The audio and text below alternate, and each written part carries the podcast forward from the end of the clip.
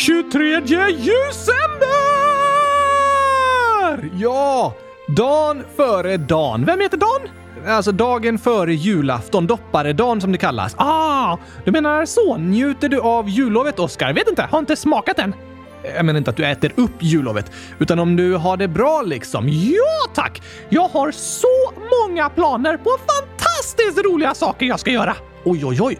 Vad då för något? Idag ska jag äta gurkaglass och måla kylskåp hela dagen. Låter underbart. Imorgon ska jag äta gurkaglass och måla kylskåp hela dagen. Aha, på juldagen ska jag äta gurkaglass och måla kylskåp hela dagen. Jag börjar se en trend här. På annandagen ska jag äta gurkaglass och måla kylskåp hela dagen. Okej, okay. i mellandagarna ska jag äta gurkaglass och måla kylskåp hela dagarna. Jag fattar grejen Oskar. Du har inga andra planer eller? Jo, på nyårsafton. Jaha, vad ska du göra då? Då ska jag äta gurkaglass och måla kylskåp hela dagen och hela natten! Wow, alltså vilket fantastiskt jullov jag har framför mig! Ja, låter redan eh, fullspäckat. Mycket planerat, verkligen. Du tycker aldrig det blir långtråkigt att måla kylskåp i hela dagarna, eller? Du menar att det blir tråkigt att måla långa kylskåp? Det kan det bli, men då målar jag korta kylskåp istället, så är det inte långtråkigt längre. Så kan jag variera lite. Ah, mm. Smart lösning. Det är inte det långtråkigt betyder. Nej, men i alla fall, vilken fantastisk jul det kommer att bli! Ja, jo, det hoppas jag också. Även om jag kanske ser fram emot att göra fler olika sorters saker än bara måla kylskåp och äta gurkaglass. Men Gabriel, nu dagen före julafton tänker jag att det är ett bra tillfälle att lära sig några riktigt viktiga saker inför julen. Okej, vad tänker du på då? Jo, i juletider kan det vara användbart med några riktigt roliga julskämt! ja, det är en nödvändig kunskap. Det är viktigt att skratta och jag känner att jag vill bidra till julglädjen. Just det, låter fint. Du har berättat många tokiga julskämt här i podden genom åren. Ja, tack! Mitt främsta juluppdrag. Ett av dem. Så några skämt kanske blir repetition för vissa trogna lyssnare, men det är ändå bra att påminna sig nu när det är julafton imorgon. Absolut. Först får du läsa här, Gabriel. Okej, okay. eh, ska vi se. Mm.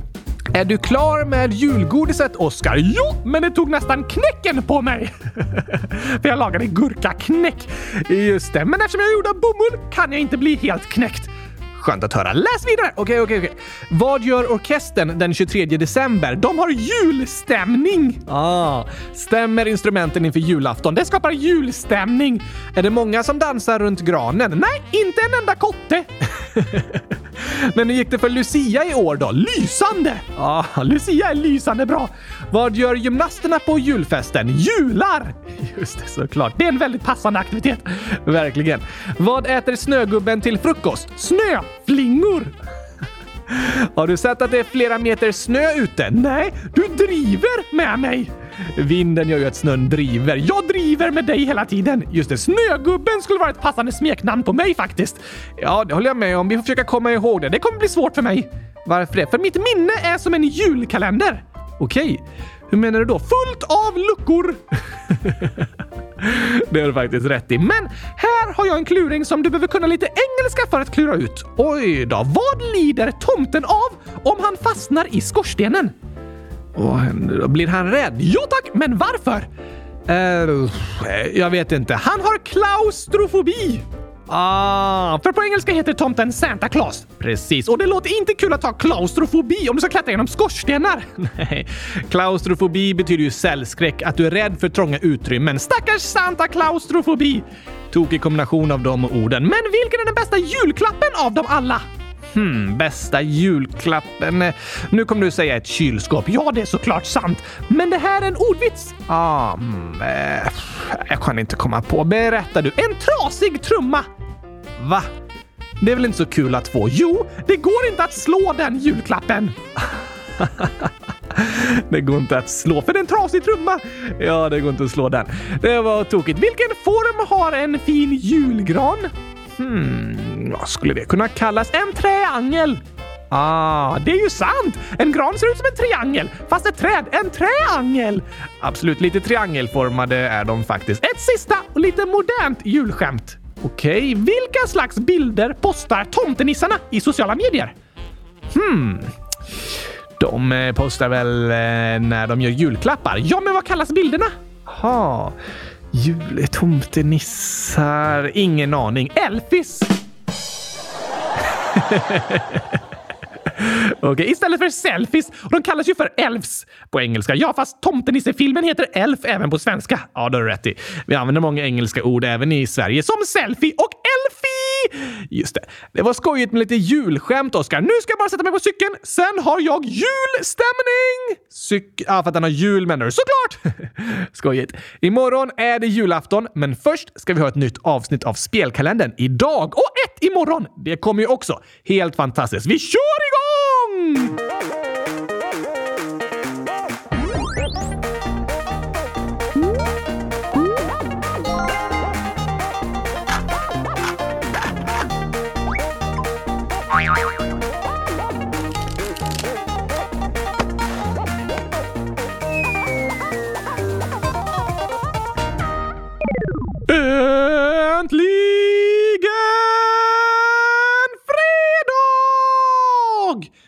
Äntligen 23 december. Det är jul! Helt fantastiskt, verkligen.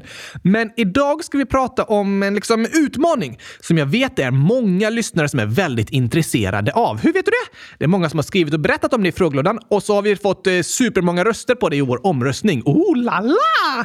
Nämligen Rubiks kub. Det känner jag igen! Ja, det är en av historiens allra populäraste och mest sålda leksaker. Är det en leksak eller typ en mattekluring? Alltså, mattekluring är det ju inte, men det är som ett tredimensionellt eh, mekaniskt pussel som är väldigt klurigt att lösa. Det håller jag verkligen med om. Särskilt för mig som inte kan röra händerna. Ja, just det, förstår jag. Men när kommer Rubiks kub till egentligen? Den uppfanns år 1977 av den ungerska arkitekten och professorn Erne Rubik. Varför det? Han uppfann den i pedagogiskt syfte när han undervisade i design. Ah, för eleverna att träna på! Precis. Men efter att han uppfunnit den tog det flera veckor innan han själv kunde lösa den för första gången. Läraren hittade på en så svår fråga att han inte själv kunde lösa den. Lite tokigt. Den första och vanligaste kuben är ju 3x3x3 block stor med totalt 54 färgade rutor. Sex sidor med nio rutor på varje sida. Precis. 9 x 6 är ju lika med 54.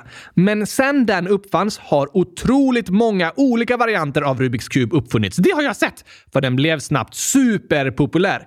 I Ungern kallades den till en början för en ungersk magisk kub, men år 1980 lanserades den internationellt och fick då namnet Rubiks kub. Från Erno Rubik som uppfann den. Ja, kuben fick hans namn. Så utmaningen är att alla rutor med samma färg ska vara på samma sida. Det är utmaningen med en Rubiks kub.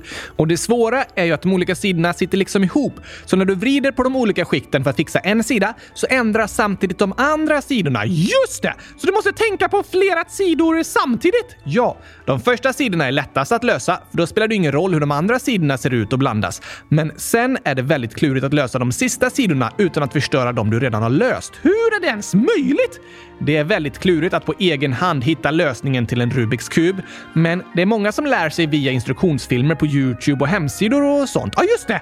Och eftersom det finns så många olika rutor som kan flyttas till olika platser så kan en Rubiks kub se ut på 43 triljoner olika sätt. 43 triljoner! Om du blandar runt och så. Ja, precis. Det är otroligt många sätt den går att blandas på. Men matematiker har med hjälp av en superdator räknat ut och bevisat att hur kuben än ser ut går det alltid att lösa den på max 20 drag. Va?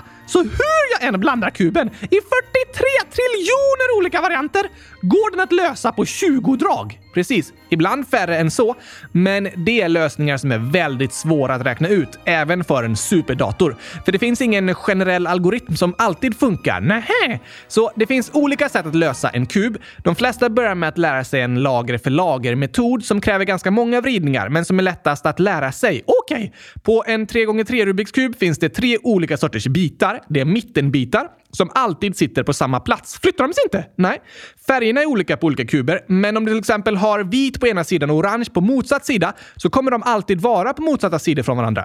Vilket lager som har vilken färg är alltid detsamma i förhållande till varandra. Ah! Sen finns det även kantbitar som har två sidor, alltså två färger på sig. Och sen finns det hörnbitar som har tre sidor med tre olika färger. Så varje bit har en speciell korrekt position på kuben. Ja, och det du ska göra är att flytta varje varje bit rätt. Alltså inte bara fokusera på färgrutorna, för färgen kanske är rätt, men biten är ändå fel. Eh, okej? Okay. För även om en kantbit har vitt på ena sidan så måste andra sidan av den kantbiten också passa ihop med vilken färg det är på andra sidan. Till exempel att det är gul mittbit som passar ihop med en gul kantbit. Ja, lite klurigt att förklara utan bild på kuben, Gabriel. Ja, verkligen. Så vi kommer inte lära ut här i podden exakt hur du löser en kub. Det är lättare att du lär dig via filmer eller bilder. Ja, tack! Så du kan googla på det eller söka på YouTube och så, så kommer du hitta många olika instruktionsfilmer. Men det viktigaste att lära sig är att varje bit har en korrekt position, så du får kolla på färgerna på de olika sidorna på bitarna för att passa ihop dem med mittenbitarna som aldrig flyttar på sig. Just det! Och när du lär dig lösa en kub lager för lager så tar du liksom ett steg i taget och lär dig olika algoritmer algoritmer för de olika stegen. Hur lång tid tar det? Ja, det är olika beroende på vem som gör det och vilken strategi du använder. Men eh, jag kan till exempel bara lösa en Rubiks kub lager för lager och jag minns inte exakt den snabbaste tiden jag löst den på, men runt 40-50 sekunder. För att kunna lösa den ännu snabbare behöver den lära sig lösa liksom flera lager samtidigt. Ah! Och mästarna i speedcubing försöker lösa kuben med så få vridningar som möjligt så att det går riktigt fort. För desto fler vridningar du behöver göra, desto längre tid tar det. Ja, såklart. Men det ju mycket svårare att lösa kuben med så få vridningar som möjligt. Just det! Och det är väldigt många lyssnare som genom åren skrivit till oss och önskat att vi ska prata om Rubiks kub. Äntligen är dagen här! Det är ju en kluring som är väldigt populär bland barn. Bra hjärngympa! Ja, verkligen en rolig utmaning som lär en att se mönster och tänka logiskt och träna på problemlösning. Det känns alltid tillfredsställande att lyckas lösa något som är riktigt, riktigt klurigt. Visst gör det. Och jag älskar också Rubiks kub. Och jag höll på mer med det för några år sedan, men tycker fortfarande det är väldigt roligt. Och minns du att Glögg, ett, ett, ett, ett, ett, ett år gammal, skrev “Kan ni prata om Rubiks pyraminx? Det är en Rubiks kub, fast pyramid.” Just det! Det finns ju otroligt många olika varianter av Rubiks kub. Kan de fortfarande kalla sig kub då? Eh, nej, kub är ju en slags form och alla har inte den formen längre. Till exempel är en pyraminx som en pyramid, alltså fyra triangelformade sidor. Det låter svårt. Ja, det är faktiskt mycket lättare än att lösa en Rubiks kub. Aha! Så om du vill testa att lösa något utan instruktioner, då rekommenderar jag att du börjar med en pyraminx. Sen finns det ju även kuber i olika storlekar. En mjukstart kan även vara att lösa en 2x2x2-kub. Två rutor på varje sida! Alltså fyra rutor på varje sida. Två gånger två. Just det! Det är också lättare att lösa än en tre gånger tre gånger tre. Hur stor är den största kuben som någonsin löst? I storlek?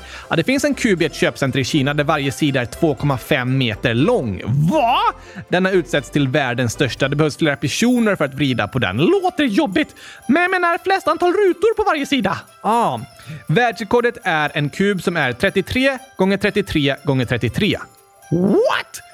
Hur många rutor blir det på varje sida då? 33 gånger 33, alltså 1089 rutor på varje sida. Det låter omöjligt!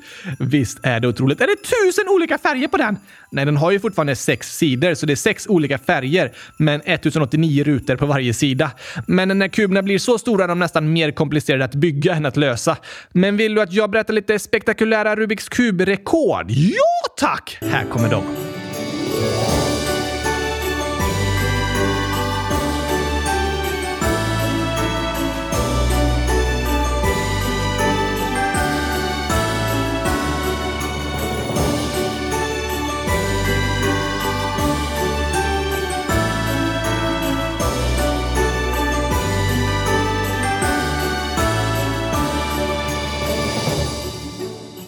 Världsrekordet för att lösa en standard 3x3-kub är sedan december i år 3,47 sekunder. What?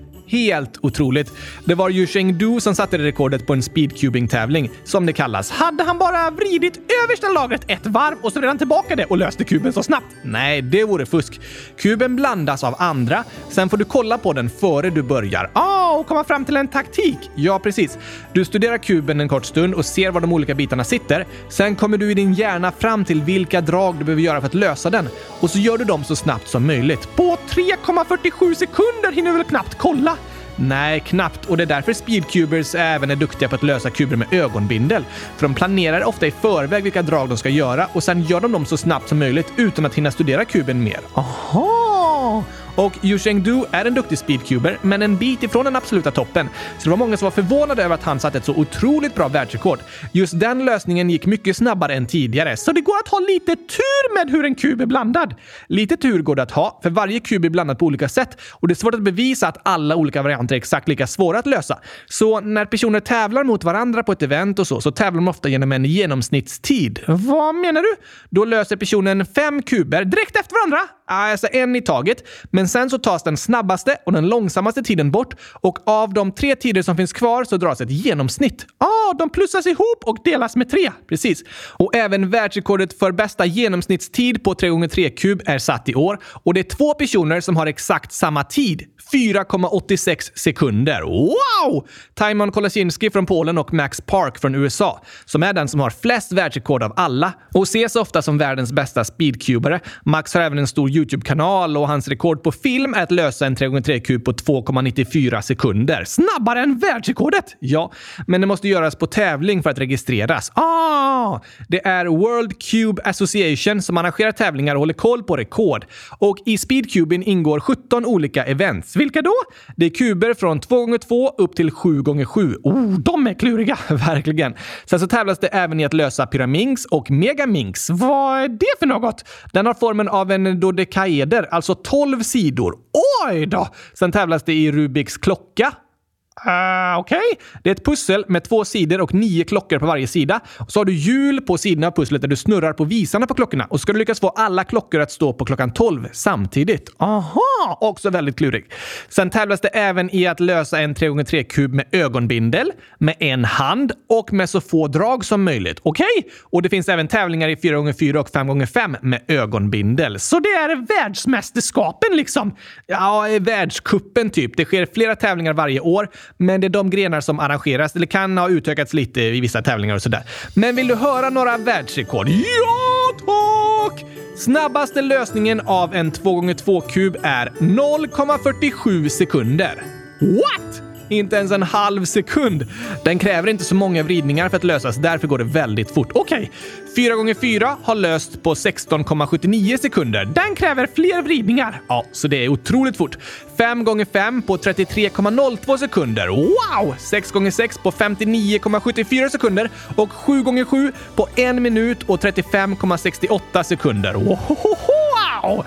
Hur mäter de tiden så exakt? När du tävlar i speedcubing så får du först studera kuben en liten stund för att klura ut hur den ska lösas. Precis.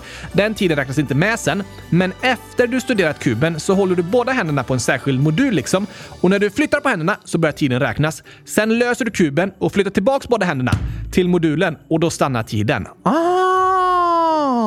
Och så är den modulen kopplad till en klocka som mäter tiden exakt. Så från att du lyfter händerna tills du sätter tillbaka händerna så räknas tiden. Ja, precis. Därför går det att mäta väldigt exakt hur lång tid det tar att lösa kuben. Fler rekord! Okej, okay. 3x3 med ögonbindel har lösts på 12,97 sekunder med ögonbindel och med en hand på 6,2 sekunder. Nej! Minst antal drag för att lösa en 3x3 är 16 stycken. Då gäller det att tänka efter noggrant. Ja, men som sagt går det att ha lite tur. Snittet på den tävlingen är 21. Så en superdator har bevisat att varje kub kan lösas med högst 20 vridningar. Men det är extremt svårt att klura ut varje gång hur det ska gå till. Väldigt, väldigt svårt. Men riktigt bra speedcubers löser ofta kuberna på runt eh, 18 till 24 drag. Vilket är rekordet på en pyraminx då? 0,91 sekunder. Wow! Och för en megaminx med 12 sidor är det 25,24 sekunder. Coolt! Ja, det är otroliga rekord. Men det finns även väldigt många andra lite tokiga sätt att lösa Rubiks kuber på. Vad menar du? Till exempel har 13-åriga Ke Jianyu löst tre Rubiks kub samtidigt som han jonglerar dem. Va? Ja. Först fick han kolla på kuberna i 15 sekunder. Sen kastade han upp dem i luften och jonglerade i 5 minuter och 6 sekunder innan alla tre kuber var lösta. Hur kunde han lösa dem samtidigt som han jonglerade? Han vred på dem under den korta stund han höll dem i händerna mellan varje kast. Otroligt! Verkligen. Ett galet rekord. Kijan Yu löste även tre Rubiks kuber samtidigt. En i varje hand och en med fötterna på en minut och 36 sekunder. Löste han den med fötterna? fötterna! Ja, samtidigt som han löste en med vänsterhanden och en med högerhanden. Sen finns det även tävlingar i att klara så många som möjligt med ögonbindel. Okej? Okay? Då har du en timma på dig och du väljer hur många kuber du vill memorera. Och en som heter Graham valde att studera 60 kuber i ungefär 40 minuter. Sen satte han på sig ögonbindel och så lyckades han lösa 59 av de 60 kuberna korrekt. Memorerade han 59 nio kuber och löste dem med ögonbindel? Ja, visst är det otroligt. Helt otroligt! Alltså, är de som löser Rubiks kub superduktiga på matte, eller? Ja, det är det vissa som är och andra är inte duktiga på matte. Va? De måste ju vara supersmarta! Ja, men det finns flera speedcubers som är jätteduktiga på att lösa Rubiks kub, men som berättar att de har svårt för matte. Aha! Och det faktum att de kände sig dåliga på matte gjorde att de fick dåligt självförtroende och inte kände sig smarta. Så är det många som känner. Ja, men det där med smarthet är ett klurigt begrepp. För vi alla människor är smarta, fast på olika sätt. Som Einstein sa. Ja, vad sa han? Alla är genier! Men om du bedömer en fisk utifrån dennes förmåga att klättra i träd så kommer den att leva hela sitt liv i tron om att den är dum. Just det. Det var väldigt bra sagt. Kan vara skönt att påminna sig om när den har det tufft i skolan. Verkligen. Skolan är ju bra för att vi får lära oss många viktiga saker. Men för vissa kan lektioner och betyg leda till dåligt självförtroende. Om en misslyckas? Ja. Men problemet med skolan och betyg är att de bedömer alla människor på samma sätt. Som att fisken skulle klättra i träd! Ungefär. Samma prov i samma ämnen för alla. Men det är inte alla som har så lätt att lära sig på det sättet de får lära sig i skolan. Och kanske är de jätteduktiga på saker som inte ens mäts med betyg i skolan. Just det! Att lösa Rubiks kub snabbt handlar om att se mönster och du behöver även en bra öga-handkoordination. Och båda de sakerna tränas upp när du löser kuber. Okej, okay. men alltså det är konstigt det här med uttrycket att vara smart. Vad menar du? För om en person löser en Rubiks kub superfort så tycker folk att den personen är jättesmart. Men om samma person misslyckas på ett matteprov eller sätter städerna på en karta fel så tycker folk att den personen inte är smart. Men det är ju samma person! Hur kan den kallas både smart och osmart? Bra fråga, Oskar. Det bevisar att ordet smart inte är ett så användbart begrepp. Och det jag vill säga till dig som går i skolan är att betygen du får, det är bara betyg på hur det har gått för dig i just den kursen. Ja tack! Det är inte ett betyg på hur smart du är eller hur bra du är som människa. Nej tack! Ett lågt betyg i matte kan betyda att du behöver träna mer på matte för att klara nästa prov. Men det betyder inte att du inte är smart. Nej tack! Det brukar säga att personer som är roliga är väldigt smarta och jag är extremt rolig! Samtidigt som jag är ganska dålig på matte. ja, då har du rätt. Det är ett annat bevis. Eh, just det. Ofta kan låga betyg ge oss dåligt självförtroende och det tycker jag är väldigt sorgligt. För betygen handlar bara om den kursen i skolan. De är inte på något sätt ett betyg på dig som människa. Ibland känns det så. Det kan det tyvärr göra. Men vi alla människor är duktiga på olika saker. Vi har liksom olika sorters intelligenser och skills och förmågor. Och tyvärr så uppmärksammas inte alla dem i skolan. Men nu i slutet av terminen vill jag påminna om min betygsskala som handlar om hur bra du är som människa. Just det. Om du får ett A så betyder det att du är awesome. Om du får ett B betyder det att du är bäst i test. Om du får ett C betyder det coolest ever och D betyder dunderbra. Får du ett E är du excellent och om du får ett F betyder det att du är fantastisk! Fint. Och G betyder gurka. Bra! Just det, jag la till en extra bokstav för jag vill ha med något med gurkor. Såklart. Men det är de betygen du får som människa. Du är awesome, bäst i test, coolest ever, dunderbra, excellent, fantastisk och gurka bra! Ja, tack. Bra påminnelse i slutet av terminen när den har fått en del betyg och det kan kännas lite jobbigt. Väldigt bra påminnelse. Kom ihåg det allihopa! Och nu kommer, för sista gången i år, min julmusikal! Oj, oj, oj. Vi har fått förslag på att du ska skriva fler musikaler, Oscar. Jaså? Det är nog för att den är så populär och rolig. Det förstår jag. Men jag har inte hunnit med det än. Jag har haft så fullt upp med att måla kylskåp. Jag ska tänka på saken dock. Gör så. Tack för de förslagen. Här kommer musikalen! Det börjar med en liten familj som åker i sin bil natten före julafton. Plötsligt får de punka på alla fyra hjulen samtidigt. Oj, hur eh, hände det? Ingen som vet. Är det inte lite otroligt att alla hjulen skulle få punka samtidigt? Det är klart det är otroligt, Gabriel. Ingen skulle väl skriva en musikal om en helt vanlig dag? Nej, nej, nej, nej. En musikal eller film eller bok eller sånt måste vara smått otrolig. Något alldeles extra. Och där har du en eh, poäng faktiskt. Så alla hjulen får punka samtidigt. Precis! Sluta avbryt mig nu! Förlåt. Efter att bilen stannat börjar barnen i baksätet sjunga. Stilla bil, trasig bil.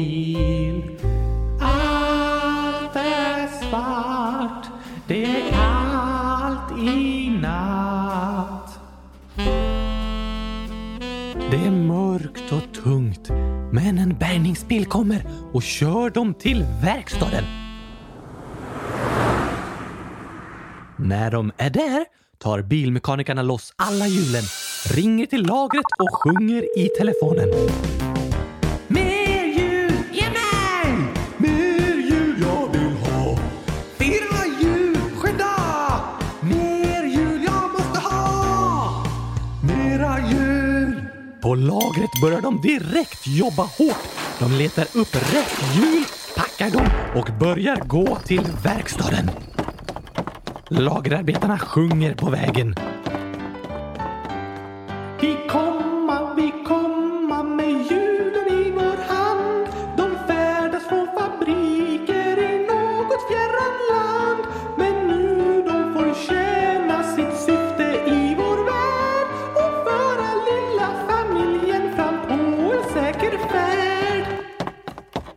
Efter en stunds promenerande kommer lagerarbetarna fram till verkstaden och föräldrarna brister ut i glädjesång när de får se de fyra hjulen. Hjul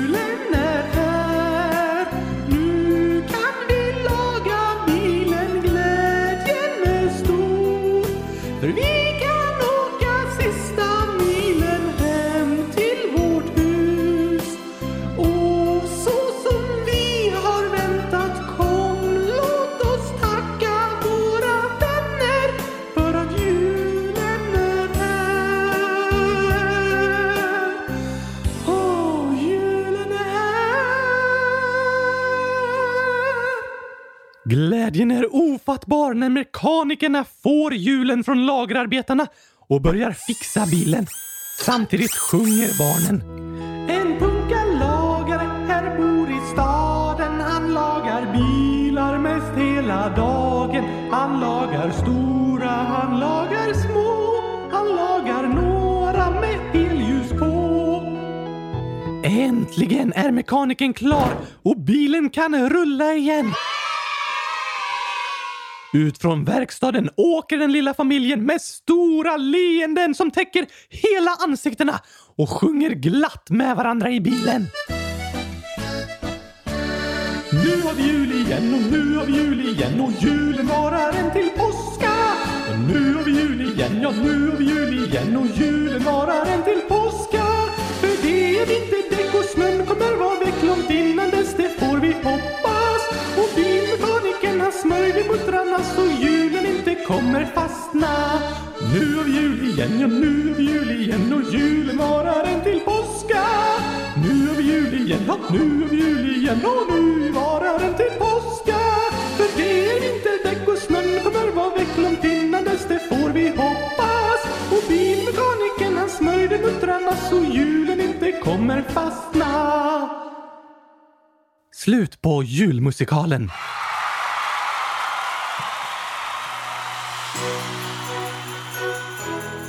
Dags för dagens gåta! Woho! I förrgår frågade jag vad smakar bättre än den luktar? Och det kan inte vara gurkaglassen, för den luktar godast i världen och den smakar också godast i världen. Just det, samma nivå liksom. Samma med kylskåp! Eller, eller? Om det ligger ruttna tomater i kylskåpet, då kan det smaka bättre än det luktar. Ja, ah, smakar kylskåp verkligen gott? Supergott! Intressant. Men det luktar äckligt om de luktar tomater. Um, just det. Det var dock fel. Typiskt. Vad gissar lyssnarna på? Vi har fått förslag på mögelost. Det luktar i alla fall inte gott. Ja, det kan lukta illa, håller jag med om. Ostbågar. Blä! Jag tycker det är väldigt gott, men kanske att de faktiskt smakar bättre än de luktar. Bra förslag! Jag håller med! Men sen så är det även många som har svarat tungan. Luktar tungan äckligt? Nej, alltså, det är verb. Nu fattar jag ingenting. Verbo? Gåtan är vad smakar bättre än den luktar? Just det! Och tungan är ju bättre på att smaka än den är på att lukta. Den smakar bättre än den luktar. Aha! Jag trodde det var något som skulle smaka gott men lukta illa. Ja, det var det som var det kluriga. Tungan är duktig på att smaka men dålig på att lukta. Lukta gör den med näsan. Absolut. Klurig gåta. Ja, men den var klurig. Nästan lika klurigt som att lösa 59 Rubiks kub med ögonbindel. Ja, nästan. Och nu, inför avsnittet imorgon, kommer min julgåta! Ah, gnugga geniknölarna! Nu ska ni lista ut var badar jultomten? Hmm. Jultomten badar. Kan de något med tomtegröt? Eller ja, kanske dopparedan.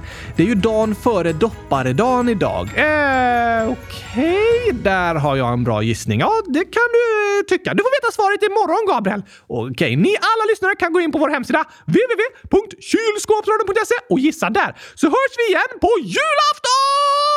Ja, redan imorgon. Oj, oj, oj, helt fantastiskt!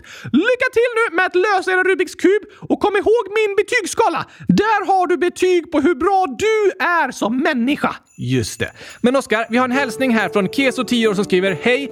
Hen som skrev att ens katt hade blivit påkörd i Pokémon-avsnittet. Min katt dog för några månader sedan, men jag vill att du ska veta att det kommer att kännas bättre efter ett tag. Min katt som dog var 18 år. Han hade levt i hela mitt liv. Men det kommer att kännas bättre. Åh, vilken fin uppmuntran, Keso! Ja, tack för det fina inlägget. Det kan ge en hopp när saker känns som jobbigast och sorgen gör ont inombords. Ja, tack! Och sen så har vi fortfarande flera förslag på spel att prata om. Just det! Nu är det ju bara ett avsnitt kvar av spelkalendern och inte så mycket tid kvar att rösta. Det har du rätt i, men jag läser ändå upp förslagen så ni känner att vi har lyssnat på det ni föreslår och så lägger jag till dem på listan för kanske kan vi använda den omröstningen senare också. Ja, tack! Walter, 11 år, skriver “Kan ni prata om Fortnite på spelkalendern? PS. Ni är bäst. Lukas, 8 år. Kan ni prata om i kylskåpsradion i spelkalendern Dino Squad och Pixel Gun 3D?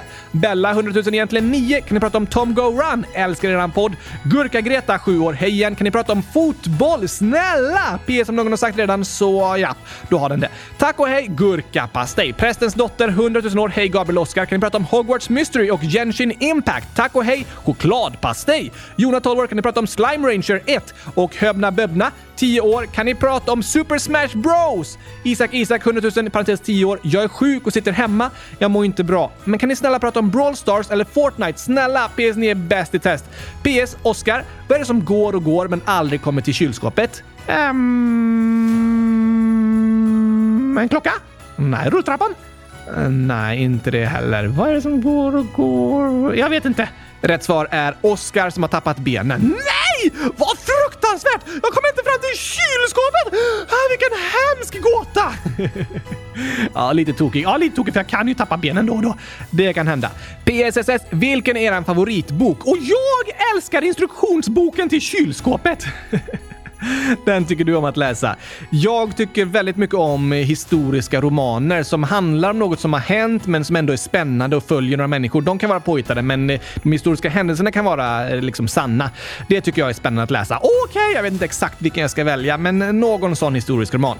PSSSS. Snälla läs upp den här. Det tog lång tid. Tack så jättemycket för det och krya på dig Isak Isak! Hoppas du snart mår bättre igen. Isak skriver även ett annat inlägg där det står i Brawl Stars har de fått en uppdatering och boxes är borta och istället får man välja brawlen och nå upp till så mycket poäng så att man får brawlen. Det låter ju bra! Ja, jag läste också om det och tycker det är bra att de olika boxarna i spel tas bort. De som är nästan som ett lotteri som kostar pengar.